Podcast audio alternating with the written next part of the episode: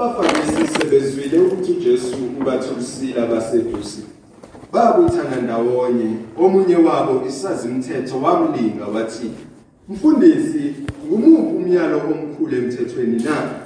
uJesu wathi kuye uyithanda inkosi uNkulunkulu wakho. Ngayo yonke inhliziyo yakho nangawo wonke umphefumulo wakho nangayo yonke ingqondo yakho. Yilowo umyalo omkhulu nokuqala owesibili ofana nawo uthi wothanda umakhelwane wakho njengalokhu uzithanda wena. Kuleyo myalo emibili kubambelela umthetho wonke nabaprofeti amen. Simngenyawo bazalwane sivuma ukukholwa kwethu amazwi ayishumi nambili.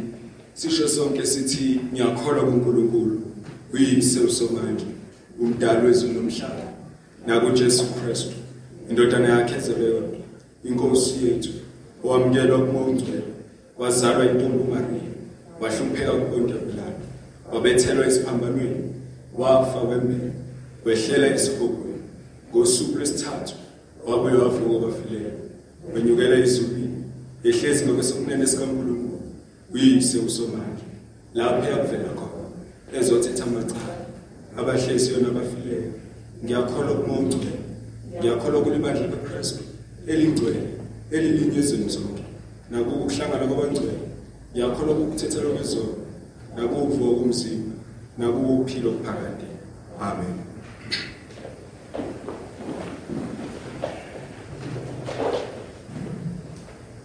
Ngiyacela baba umfundisi usise enkosini ngimkhuleko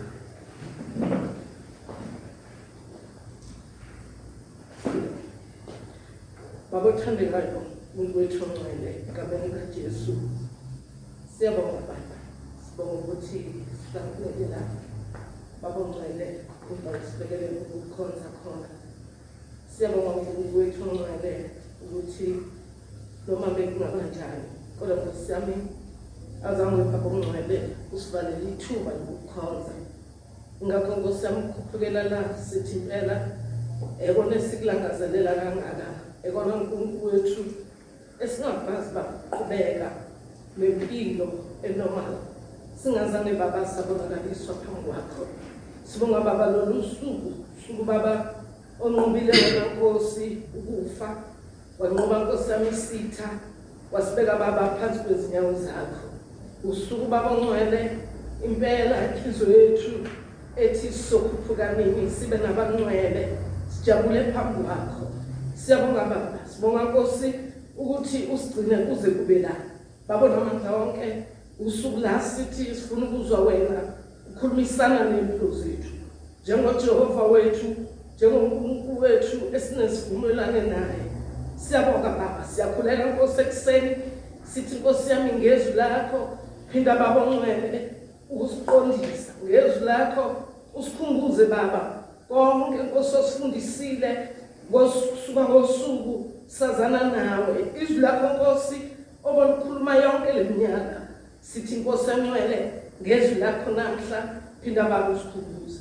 Siyakhuleka nkosi engcwele ukuthi inkosi yami izimo zinje ikhava yakho nkosi yami ibe phezu kwalona lo mzalwane ukuba nkosi yami ukuphila baba ongcwele kungekona kwalokhu kuphila kuphela kodwa nokuphila kukamoya. Baba ongcwele kubonakaliswe uzwakalisiwe kulona lowo muntu ophambi kwakho manje. Izwi lakho nkosi lithe abafile abakudumisi. Ngakho baba sikhuleka. Hayi ngoba sisaba ukufa kodwa ngosami ukuze sikudumise thina njengabangcwele siyakhuleka baba ongcwele izwi lethu. Baba namandla wakhe liyakudinga nkosi yami hayi lona kuphela. Kodwa izwe lonkana egameni likajesu siyalibeka kuwe. Uthe nkosi yami abangcwele uma bekhuleka wona bakuzozwa bese uyaphendula. Lokho nkosi esikusondeza kwena nasekuseni ukuba nkosi yami sibuke nkosi usawukele uzwe baba inkhuleko yethu bese nkosi yami uyaphendula. Ukuba nkosi yami ukuphila esikulindele kuwe ukuveze nakalomzuzu ngiyabeka nkosi yami engcwele ilona lowo phakathi kwalendlu ngegama likajesu. Ukuba nkosi yami impilo yakho izungeze wena ngaphambili nangasemuva. Ukuba nkosi yami isandla sakho esinamandla sibe nkosi yami phezu kwempilo zabangcwele abalankosi nabasemakhaya abadala bethu babegameni kajesu iba nabo nkosi. Siyabona kwenzekani? Kodwa nkosi yami sithembele kuwena sithemba kuwe siyakhuleka baba ongcwele sikhulekela impilo engcwele empilweni zethu ukuba nkosami sikwesabe sihambe nkosami ebungcweleni bakho siyakhuleka baba onamandla wonke ibandla lakho lisezindaweni zonke elila na-abroad egameni likajesu iba nabo nkosi abangcwele bakho ubaphe induduzo ubaphe nkosi amthemba kuwe sikunika udumo lonke babongcwele nakulolu suku sithi babongcwele phakama kangaka empilweni zethu babonakala abahamba nawe ukuze nkosi nabakude nawe bafise ukuphila kuwe. Ngoba babangcwele inceku yakho egameni likajesu. Lona wakhe sazokusipha izwi babona amandla wonke kungaba uye olokosami wena ukhuluma ngaye siyabeka ibandla lakho konke kwethu sikusondeza kuwe. Izidingo zethu siziletha kuwe. Ukugula kwethu sikuletha kuwe. Ukufeyila kwethu babongcwele sikuletha kuwe. Sithi siphe nkosi i-revival. Hlale kithi babona amandla wakho. Izwi lakho lithe sihlale kuwe nawe uhlale kithi. Siyakhulekela lokhu nkosi senzele kona ngenxa kakristu inkosi yethu. Amen. Amen. Siyabonga nomkhuleko egameni likajesu. May Mark chapter 4 verse 1 to verse 20 kufundeka kanje egameni likaJesu. Khona wabuye waqala ukufundisa ngaselwandle. Wabuthana kuye isixuku esikhulu kakhulu waze wangena emkhunjini wahlala elwandle. Isixuku sonke esasisemhlabathini ngasolwandle. Wabafundisa okuningi ngemfanekiso wathi kubo ekufundiseni kwakhe lalelani bekani waphuma umhlanyeli ukuyohlwanyela kwathi ekuhlanyeleni kwakhe enye imbewu yawela ngasendleleni wafika izinyoni zayidla zayiqeda enye yawela edwaleni lapho yayingenamhlabathi omningi khona yamila masinyane. Ngokuba ingenamhlabathi ojulileyo kwathi ukuba liphume ilanga yahamuka nangokuba ingenampande yabuna enye yawela emeveni ameva akhula. Ayiminyanisa ayaze yathela isithelo. Enye yawela emhlabathini omuhle yahluma yakhula yathela isithelo yaveza ngamashumi amathathu nangamashumi ayisithupha nangekhulu. Wayesethi onezindlebe zokuzwa makezwe lapho ese ngasesitha ababenaye kanye nabeyishumi nambili bambuza ngale mfanekiso wathi kubo mina niphiwe imfihlakalo yobuso kaNkuluNkulu kodwa abangaphandle benzelwa konke ngemfanekiso ukuze ngokubona babone bangabonisisi nangokuzwa bezwe bangaqondi funa baphenduke bathethelele wayesethi kubo aniwazi lo mfanekiso Pho niyazi kanjani yonke imifanekiso na? Umhlwanyeli uhlwanyela izwi. Abangasendleleni yilabo abathi lapha kuhlwanyelwa khona izwi nanxa sebekuzwile kufike masinyane usathane alisuse izwi elihlwanyelwe kubo. Kanjalo abahlwanyelwe edwaleni yilabo abathi sebelizwile izwi balamkele masinyane ngokuthokoza kepha kabanampande phakathi kwabo kodwa bahlala isikhashana nje kuthi sekuvele ukuhlupheka nokuzingelwa ngenxa yezwi bakhubeke masinyane. Abanye bangabahlanyelwe emeveni yibo abalizwile izwi kepha iminako yalesi sikhathi nokukhohlisa kwengcebo nokunxanela ezinye izinto kungena kuliminyanise izwi libe ngelingatheliyo nabahlanyelwe emhlabathini omuhle yilaba abalizwa izwi balamkele bathele isithelo ngamashumi amathathu nangamashumi ayisithupha nangekhulu amen ngiyacela mfowethu umbandla usibongele izwi Baba sifunde izwi lakho nangalesikhathi. Woma lisangcwele wazi ukuchaza kangcono kunathi. Nkosi yami yawazi ukuhlambula enhliziyweni zethu. Khuluma ngalo silalele uJesu Kristu inkosi. Amen. Siyabonga umkhuleko ubingelele bazalwane mama umfundisi baba umfundisi holi bonke bebandla abantu abasha Sunday school class na. Eh Nibikelela nonke egameni lika Jesu. Amen. Bazalwane sifunda indaba engicabanga ukuthi abantu abaningi bayayazi bayijwayele. Matthew ubhalile ngale ndaba isahluko 9 kanti futhi noLuka ubhalile ngale ndaba kwisahluko 8. Kodwa ngithande ukuba sifunde la ku Mark. Isikhathi esiningi ke abavangeli mabebhala ikakhulukazi bezovala bezobhala ngendaba efanayo. Bayaye babike angakubikanga omunye. Kodwa uma ufunda le ndaba babika into ethi ayifani. Uma uyifunda kuMateyu, kuMark nakuLuka. Kule insuku ke bengiyifundela nje incwadi kaMark ivangeli ngokukaMark abayilalelile intshumayelo yangolwesithathu bayizwile ukuthi nayo iqhamuke kwivangeli ngokukaMark namuhla sifunda eh uJesu efundisa. Uma efundisa noma uma uJesu ekhula eqala umsebenzi wakhe kunezinto azenzayo ezibalekile abazivezayo. uMark usivezela ikakhulukazi eh ngemsebenzi noma ngama miracles uJesu awaperforma aphinde asivezele ke futhi nangokufundisa kwakhe. Bonke abavangeli bayakwenza lokho.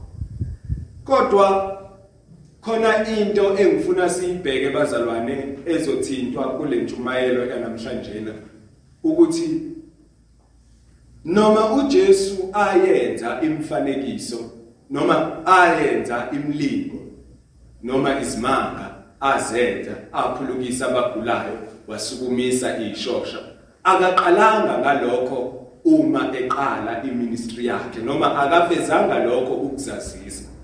Womkhumbula phela ukuthi mesethempelini esawumfana omncane uvela ebuza imibuzo kwabakhulu. Unina noyise bemshiyile sebekubafika bambheka bamfica usethempelini. Laba babuzayo bamangala ukuthi ubani lona obuza kanjena uyavela uJesu engofundisayo ngoba kunento abantu abangayazi kunento abantu abangayizwanga. uJesu ke useyafika uzoletha umyalezo. Haleluya mefika uJesu eletha umyalezo uyakhula futhi ekukhuleni kwakhe uyaqhubeka nokushumayela. Uma enza izibonakaliso akazenzi izibonakaliso ngoba nakhu eh efuna ukule ukuthatha iattention yabantu. Kodwa uyazenza ngoba ziphelezela eh intshumayelo noma izifundiso zakhe. Namhlanje siyayisibona ukuthi abantu abaningi baqhakambisa izibonakaliso kuqala kunokuqhakambisa izwi. Kodwa kwiministry kaJesu sifunda ukuthi uJesu uqhakambisa ukufundisa kuqala kunokuqhakambisa noma kunokuveza izibonakaliso. Ingakho ngelinye ilanga mehamba abanye bemlandela uthi hayi mina ninilandela ngoba nakho nifunisa inkwasana engikuphethe nengikuzele nama ningilandeli kodwa nifuna lokho kuphathekayo namhlanje ke uJesu bazalwane ufundisa ngeinhlobo zomhlabathi ezine. Sifundisa nangomuntu otshalayo. Lo muntu lo otshalayo uthi waphuma eyotshala. Uma eyotshala uphosa imbewu yakhe. Enye iwela ngasendleleni. Yini indlela na? Indlela ila kuhamba khona abantu. Ngakho ku impossible ukuthi la kunyathela khona abantu kutshaleke. Akwazeki ukuthi la ugqinqa khona inyawo zabantu ngoba uma abantu kade behamba ngisho ngathiwa bekunotshani la kodwa uma abantu bezohamba la buzoqingqeka utshani kuze kube kuyaphela kuvele umhlabathi nawo qingqeke kuze kube uyaqina.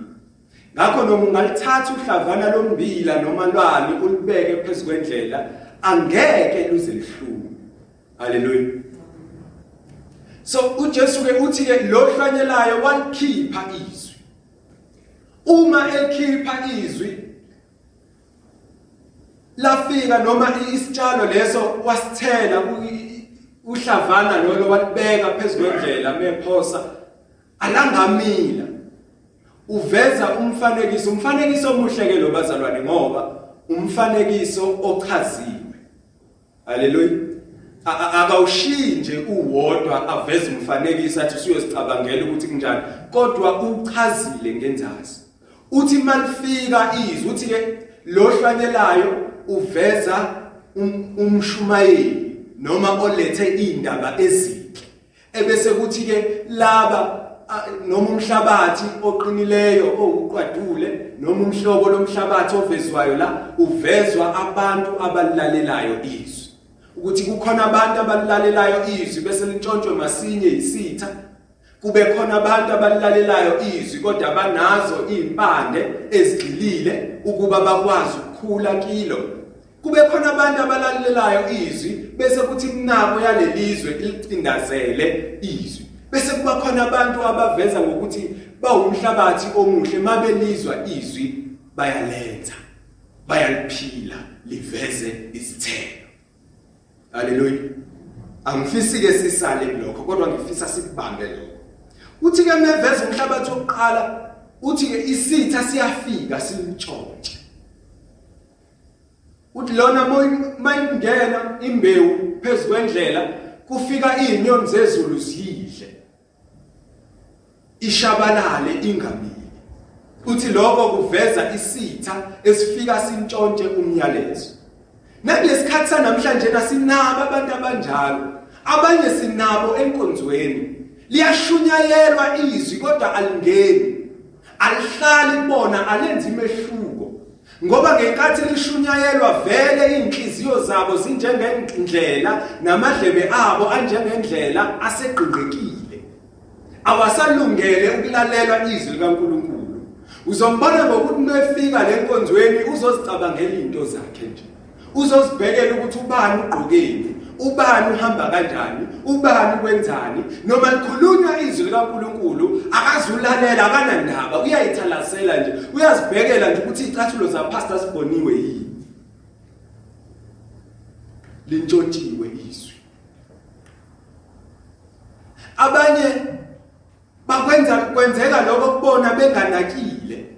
Uthi ehlezi ezenkonzweni kodwa uzicabangela into zakhe zasekhaya. Sitha siyamtshontsha siyamtshontsha asifuni izwi lenze umehluko empilweni yakho. Esathi uJesu kuba khona la khona imbewu iwela edwaleni. Edwaleni kunomhlabathi phezukwedwala kodwa uma imila lembewu la phezukwaleli dwala ayikwazi ukuhlala noma ikhule ize ibe nesiqu esikahle ngoba ayikwazi ukuyomoma kahle amanzi ayikwazi ukustretch impande zayo kahle bese ithola ibalance la. Ngoba kunedwala phansi umhlabathi muncane. Uthi ke uJesu labo abanjalo balamkele izwi ngokuthokoza masinyane. Sebelizwile balamkela ngokuthokoza. Kodwa banayo impande phakathi kwabo. Kodwa bahlala isikhashana nje. Kuthi sekuvela ukuhlupheka nokusingelwa ngenxa yezwi bakhubeke masinyane. Siyezwa bazalwane sivezelwa inhlobo zabazalwane la. Ukuthi a faithful servant a faithful preacher uyalishumayela izwi.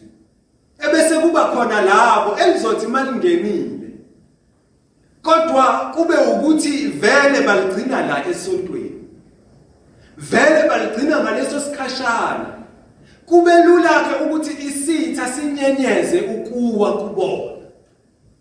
Kube lula ukuthi mabebhekana nezinkinga basheshe babuyele emuva ngobani abagxilile.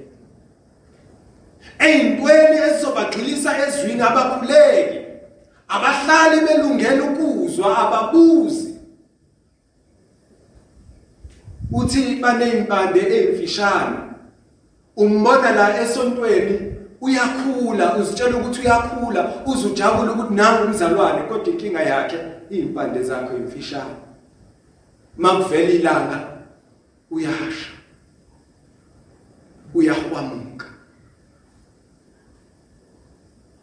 uyahwamuka uzumbona umuntu ushumayela ubona ukuthi cha uyalizwa usibanibani izwi namhlanje na omunye uza responde nangeinyembezi uzuyitshela ukuthi hayi ushintshile ulizwile izwi mephuma lana azibuyelele emkhubeni yakhe yaphakade. Indaba mhlabathi mncane. Mhlabathi mncane. Akalizweli ukuthi lishintshe impilo yakhe. Uyalizwa liyamhlaba yedwa. Yebo impela kodwa mephuma la uyoqhubeka endleleni zakhe. Akakhuleki akayisondezi akayigxilisi ezwini likaNkulunkulu.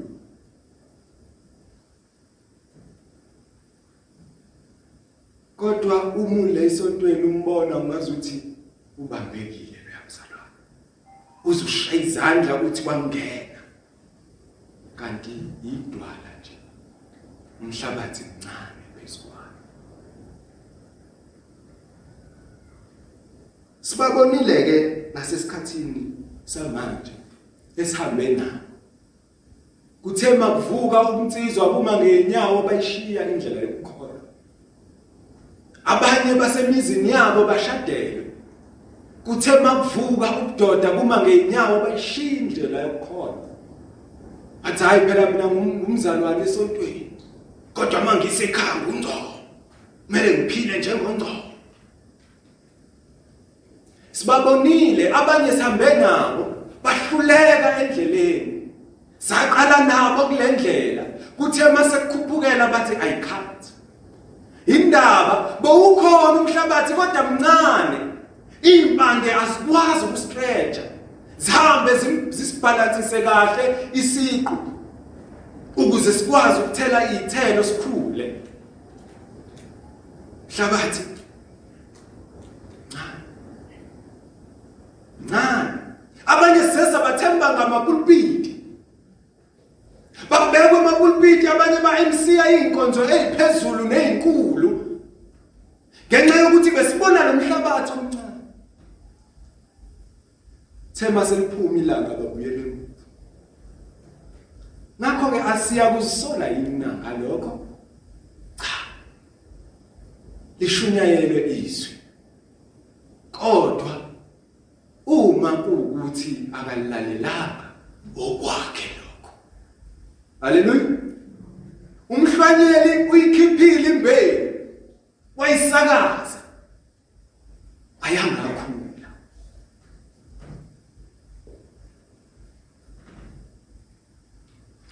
bese kuba khona umhlabathi wesithathu. Hayi ke labo gabadiya hayi amaboss.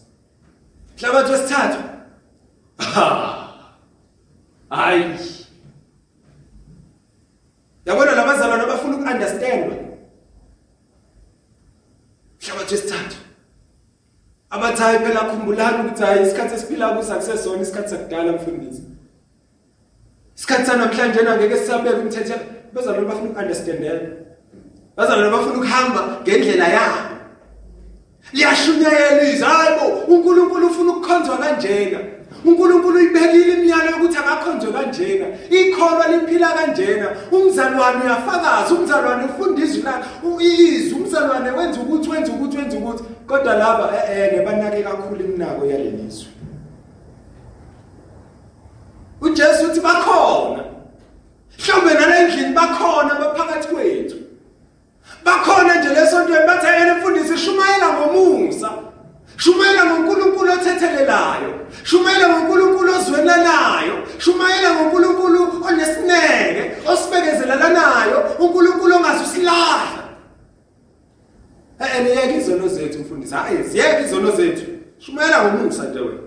Hey sonikela shumayela ngomungu samfundisi sogcwala esontweni. Sokwenza indlu yesonto ibe yinhle. Sobiya sokwenza shumela ngomungu sibathi uthi uJesu imnako yalelizwe anake yona. Hlabathi wesithathu ke lo okhula nameva. Minyaniswa ameva. Athi umpostoli Paul ku 1 Corinthians chapter 15 anazi yini ukuziphatha okuhle kuyonakaliswa abangani ababi. Uthi uyikholwa kodwa ukwazi ukutolerate izono ukwazi ukumema izono uphile nezono angeke ivele ithelo lapho. Haleluya. Hlabathi wesithathu. Yakhula kuze kuthembiseke. Uthi hayi wakhula umbila wami kodwa ukhula nameva. Uzothi usuku ube mfishane ube ngakho umile intshakazi.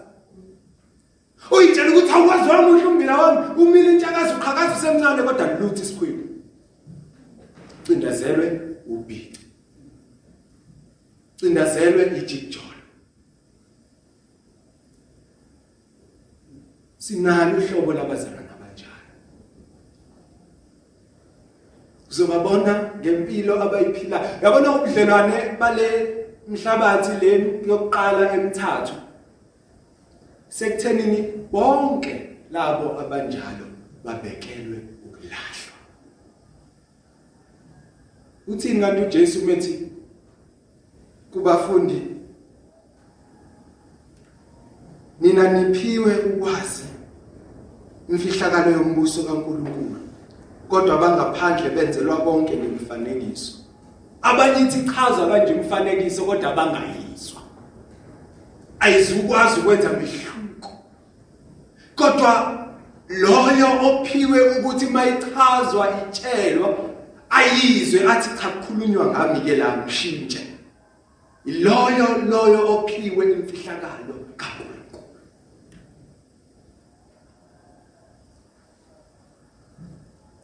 laba abawumhlabathi wesithathu bathi hayi inkosi noma mfundisi shumayela. Simbambathe lesonweni sethu. Mawukhuluma ngalokho uyahlambalaza musokungijaja uyangijaja manje? Who are you to judge? Only god can judge me. Uyabona mose usuqala usukhuluma kanjani umhlabathi wesithathu ukhula nameva. Into engiyithanda ngabazalwane base-reformed ke ukuthi uma bema la bevuma inkolo bathi ngiyavuma ukwaluswa. Uma ungasalusekile sokuthi ungena ngapha endabeni zami awunako utwayi lakho umhlabathi wesithathu khula nameva. Khula nameva. Funa sibekezele into ngeke size siyibekeze le emnyango. Haleluya. Jesu ngale mhlabathi emini. Nako and laba bawumhlabathi wesithathu bayishiftile even ifocus kubashumayeli. Abashumayeli namhlanje abashumayelanga mabengashumayelanga ngengcebo. Kufakazela lokho engiqale ngakho lana ukuthi uJesu kwiministry yakhe akagxili akagxilanga kuphela ezibonakalisweni. Kodwa namhlanje into esihamba phambili ibonakaliso. Namhlanje into ehamba phambili ukuthi abantu bawe ukuthi litheni izwi cha. Uma kuzofika upastor Nzobo nje ozokhuluma kanje uyabhora abamuzwa.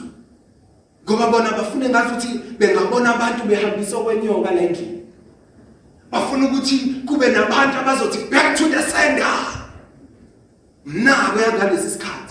Ukuthi hayi wena unenkinga ucindezelo sibanibani ngakho back to the same cha! Siyabona lokho. Kuhle ukuthi eh abantu bakhululwe. Kodwa nikhululelani ningayi kuKristu na?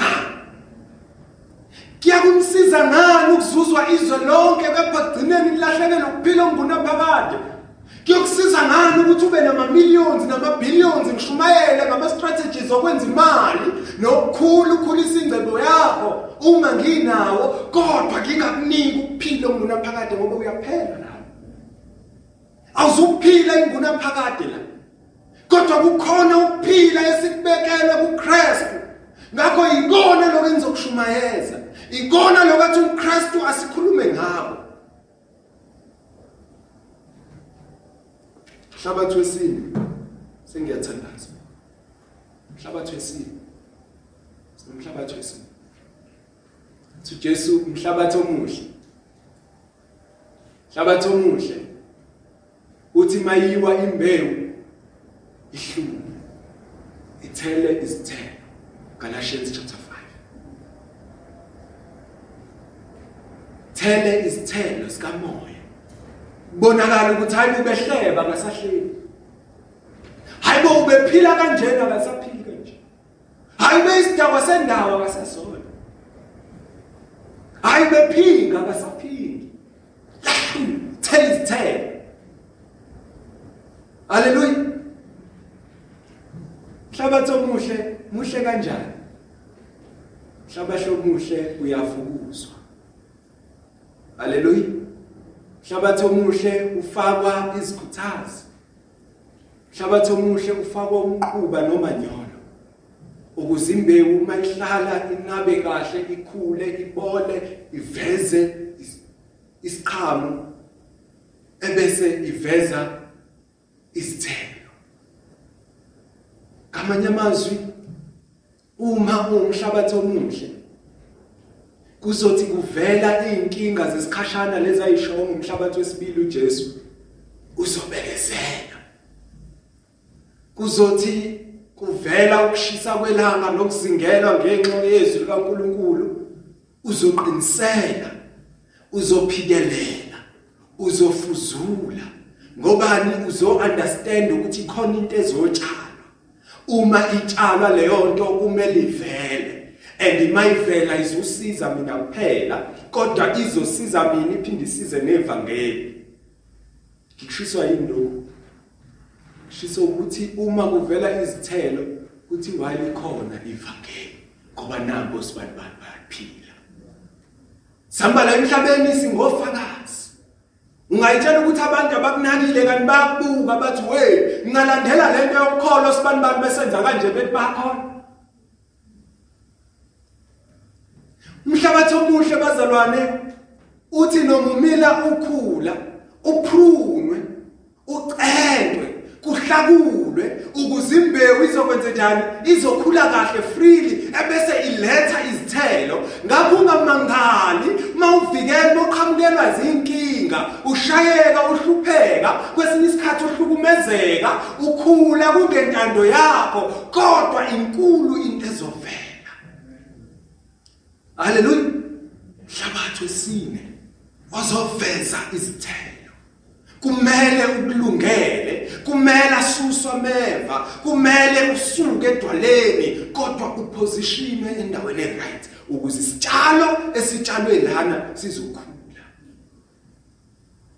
Haleluya ukuze isithelo ke noma ukuze isithombe sikaNkuluNkulu esaphuma engadini yaseEden mzukwane uAdam ona sivele kumele udlule mhlawumbe enkingeni osizini ekuhluphekeni uyavukuzwa. Uyavukuzwa. Ukuze ulungele ukuveza izithelo. Haleluya kanti imcathi kusuke kulinye lana uthatha amageja nemfoloko uhambe uyolima. Kusuke ukwenzelani lokho kanti? Ukuze uzothi mawuthi uyashaya ngegeja uze ukuthi kunetshe la ugwegwele ngapha. Mawukuthi liyavuma ukuphuma ulikhiphe. Uyayibona indaba kamanye amazwi nawe uzohlaselwa ngenxa yokukholwa kwakho. Ngoba khona into etshaliwe and kumele ihlume kumele ithela angagcini ngokuhluma kuyini ukuhluma? Ukuhluma ukuvela la ushaya izandla uphakamisa izandla ukhorasa kamnandi la kuyimic kodwa ngaphandle uphila impilo yamanye la phakathi kwethu sikubona umzalwane umuhle uqoka kamnandi yonke into. Ushay hayi awukhorasi go. Kodwa ngaphandle impilo yakho ikufakazela ukwenza lesontweni uhlumile nje kuphela ithela zikho. Ithelo sizibona la esontweni sibonakale ngaphandle sibonakale ngisho usuwedwa. Izithelo ke lezo ayifihleki. Ingakho esibalile phela umpostoli lapha kuGalatians chapter 5 metha kube khona izithelo zikamoya azabale nezinyama. Haleluya ngakho ke asizothi ke sithi singabantu abahlumile simile emhlabathini omuhle ebese sithela izithelo zenyama. Abathela izithelo zenyama laba bomhlabathi wesithathu. Yabona laba bomhlabathi wesithathu? Ibona ke abeyithelo zenyama. Nkosi sisize ukuba sizwe izwi lakho ukuze silethe. Hayi umyalezo namhlanje sisize Nkosi ukuba sizwe izwi lakho bese siyaletha. Singabi ngabalizwayo kodwa nje liphele lingene ngapha liphume ngapha. Kodwa mangilizwe namhlanje na ngihambe ngiyophila ngalo. Mangilizwe namhlanje ngishephe yilo. Mangilizwe namhlanje ngiveze izithelo zokuthi ngilizwile. Mangilizwe izwi lakho. Senguzwile umusa wakho sengisindisiwe sengiyakholwa. Mawuqinise ngezwi lakho. Mangilizwe izwi lakho. Noma ngilifunda ngingekho engekho ezongichazela ngichazele Nkosi mawujulise mawuqinise kimi izwi lakho Nkosi ngisize. Ukuze ngizohluma izithelo. Khuluma nami Nkosi asikhonze uNkulunkulu othule. Uyakhuluma kithi yakhuluma kithi asikho ke bandleni elithile la iBhayibheli lifundwa khona umfundisi kuphela. Kodwa wonke umuntu unekopi yakhe namhlanje uyakwazi ukuzifundela xilezwi likaNkulunkulu ukuze uzohluma uthele izithelo. Lord help us that we hear your word so that we can apply it in our lives. Khuleko esimele sibe nawe loyo. Ukuthi singabi laba abangaphandle athi uJesu make bezwe bazophenduka. Ake sibe yilaba elibafanele impela ekufanele ukuthi balizwe bese baphenduka bakholwe bahambe ngeyimiso zikaNkuluNkulu. Ngoba sikakabi kwiperiod yokulahla asiufunele umusa mfunela uNkulunkulu esenokuthola omubi makashiya indlela yakhe. Akulona izwi lelo. Uzokwazi kanjani lokho balifundiswe kaNkulunkulu Nkosi sisize silizwe izwi lakho. Ebese siphila ngalo siveze izithelo. Open our ears so that we may hear your word. Khuleka namhlanje vula indlebe zami Nkosi ukuba ngizwe ngomsa wakho kuba ngizwe izwi lakho. Uzathi ke umreformed mesehlabelela kahle. Athi ngoba tshela bonayo izindaba zakho. Ngakho uzokusho kahle lokhu uma unenhliziyo ehlanzekileyo uma ulizwile uma ukhulekile. Siyathandaza. Kodwa before sithandaze ngifisa sihlabelele leliyaculo verse nje lokugcina u129 culo 129 iverse lokugcina lakho vula indlebe zami zizwe ngomsa wakho ngoba tshela bonayo izindaba zakho. Azi noma mfundisi kulungele ukusikhulekela sibuyisele inkonzo. Mfundisi uzoza ngaphambili sisahlabelela thina kanjalo. Ebese ayasikhulekela uthi Nkosi vula indlebe zethu. Sizwe ngomsa wakho. Nkosi vula indlebe zethu. Ngingabi lo mhlabathi oqinileyo ogqingekile kodwa mangibe umhlabathi omuhle oluzwayo izwi lakho ngibe olilalelayo izwi lakho egameni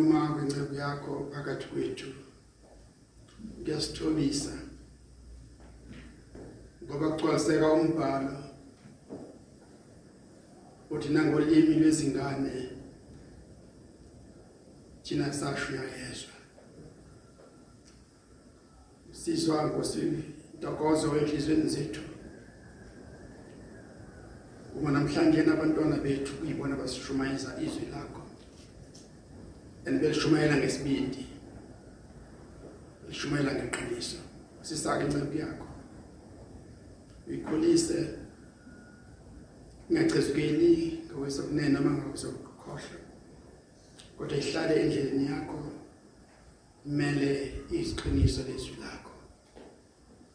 Sibonga nkosi yami ukuthi wena uzositransplanter noma ngabe besisemeveni uzositransplanter. Usibeke emhlabathini olungileyo noma ngabe besise qwadule lwendlela.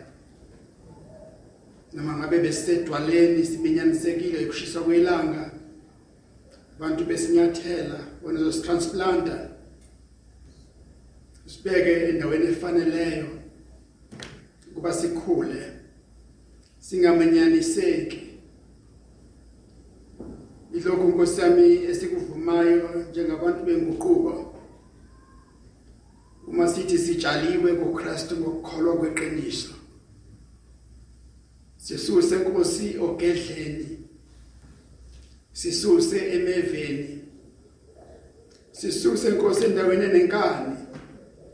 Kwesisikhathi emakhaya ethu kunaleyo nkani nomsindo nokuxokozela.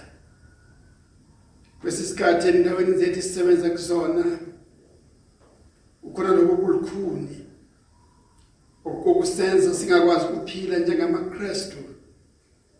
Izwe liyasichallenge lisifuna sifane nalo. Siphe Nkosi ukuma endaweni efaneleyo.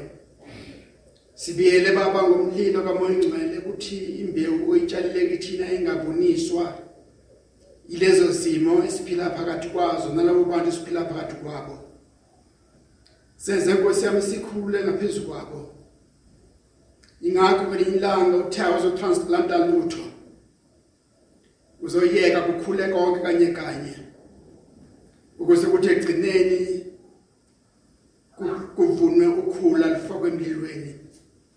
Kuvunwe isivuno esifaneleyo sifakwe enqolobaneni siyabonga izwi lakho elizakithina namhlanje nalivela kuwena. Sibusise baba ngalo sesiye emakhaya. Nangu leyamzalwane ubheke umuzi wakhe. Nengxaki zomuzi wakhe. Uzakwena namehlo egcwele izinyembezi ngoba uze siphambanweni uza ethembeni lakhe lokugcina.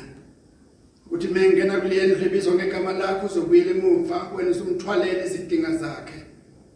Enze njalo Nkosi leyamzalwane Nkosi onezifo ezinye azilapheki kuyena. Ngegama lika Jesu selizwile izwi lakho. Nkosi enze umehluko empilweni yakhe. Yamzalwane xa kweyindlala nobumpofu kulesi simo semisebenzi ephelayo nengekho lelizwe Nkosi dala isu ukuthi abantwana bakho basebenze ngasasetshenzwa andisa amafutha ophisweni andisa impuphu eqomeni. Kuba badle bangafi badle bagijime iminyaka emithathu nangaphezulu. Kuze kudlule isimo sendlala. Iba nabantwana basemakhaya ngenxa yesimo sokugula ebangakwazi ukuya ezikolweni. Iba nalabo baqhiyelayo beya ezikolweni behamba ngovalo ukuthi bazotheleleka. Iba nothisha basovalweni ukuthi baphoqelekile ukuma phambi kwabantwana noma bephuma besaba ukuthi bazobuya nokufu bazokufaka emakhaya abo. Iba nezwe lakithi lilonke uhulumeni wethu umphumqondo ohluzekile njengamanje udidekile. Akukho okusile akukhulumayo akukho okusile akwenzayo. Udideke kokupheleleyo simletha kwena umangameli necabinet yakhe nabaholi bonke kuze kufike phansi emazingeni okugcina ukuthi wena Nkosi ulethe isixazululo isixazululo sokuphila kwethu. Abahlengikazi badidekile esibhedlela bayasaba ukusebenza kwabo. Nodokotela bokunjalo basovalweni ukuthi bazothi bayalapha kugule bona. Siyabakhulekela nemindeni yabo. Sikhulekela lesi sinto sikhulekela leli bandla lakithi. Silibonile nalo lihaqeka kulesi sifo lihaqeka ngezindlela eziningi lithinteka. Sithi Nkosi yami ligome ngoba baholi balo befundisi bethu goma ingcebo zakhe zishumela izwi.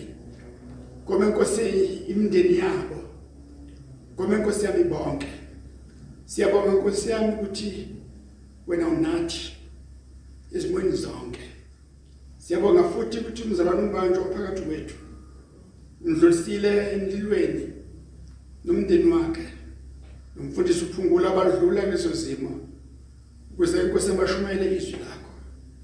Siyakhulekela umndeni kamambatho ohlaselekayo ngamasela. Angena phindelela khona. Ungumfelokazi nje ongenamandla ongakwazi ukuzilwela ongakwazi ukuzivikela. Uthembele kuwe. Phinda inkosi kumprotector. Sigcine sonke abahlele emakhaya ngoba kuthiwa abadala bakwazi ukuzokukhonza bazongitheleleka. Uvuselele besemakhaya mama lahle ithemba. Isanquma njena istorm njena. Isiphepho nje lesi sizodlula. Bese libuya ilanga. Liphakame ilanga lokulunga linguKristu lisikhanyise ngamaphiko alo. Imisebe yalo bisisenza sijabule sijebule njengamathole. Sibheke inkosi yami kulesihlambi nalestorm sidlule kodwa bami abangcwele. So njalo izwi lakhe lithi bathembele kuwe bayama bayaphakama ngamandla amakhulu njengokhozi bandizele phezulu. Enze njalo kubo bonke abazalwane kuwezigaba zabo ngokwemindeni yabo. Sibabeka kuwena egameni lika Jesu sibusise manje sesemakhaya isimoto esihamba ngazo sibhekele. Siqala ivikele isha siqala isizini entsha makuthwasa leli hlobo lithwase nathi uJesu emkhulu kuthina siqhakaze sibe isama singabi winter bonakala isimbali ezinhle nesithelo umfundisi ebekhuluma ngazo zibonakala ziphuma phakathi kwethu. Lokhu sicela ngegama likaJesu inkosi amen. Samukela isibusiso. Musa wenkosi yethu Jesu Kristu. Thando kaBaba uNkulunkulu hlanganyela kaMoya oNcane makwena nonke. Gcina kulinandelaza kunivikele asafika uJesu Kristu inkosi yethu. Amen.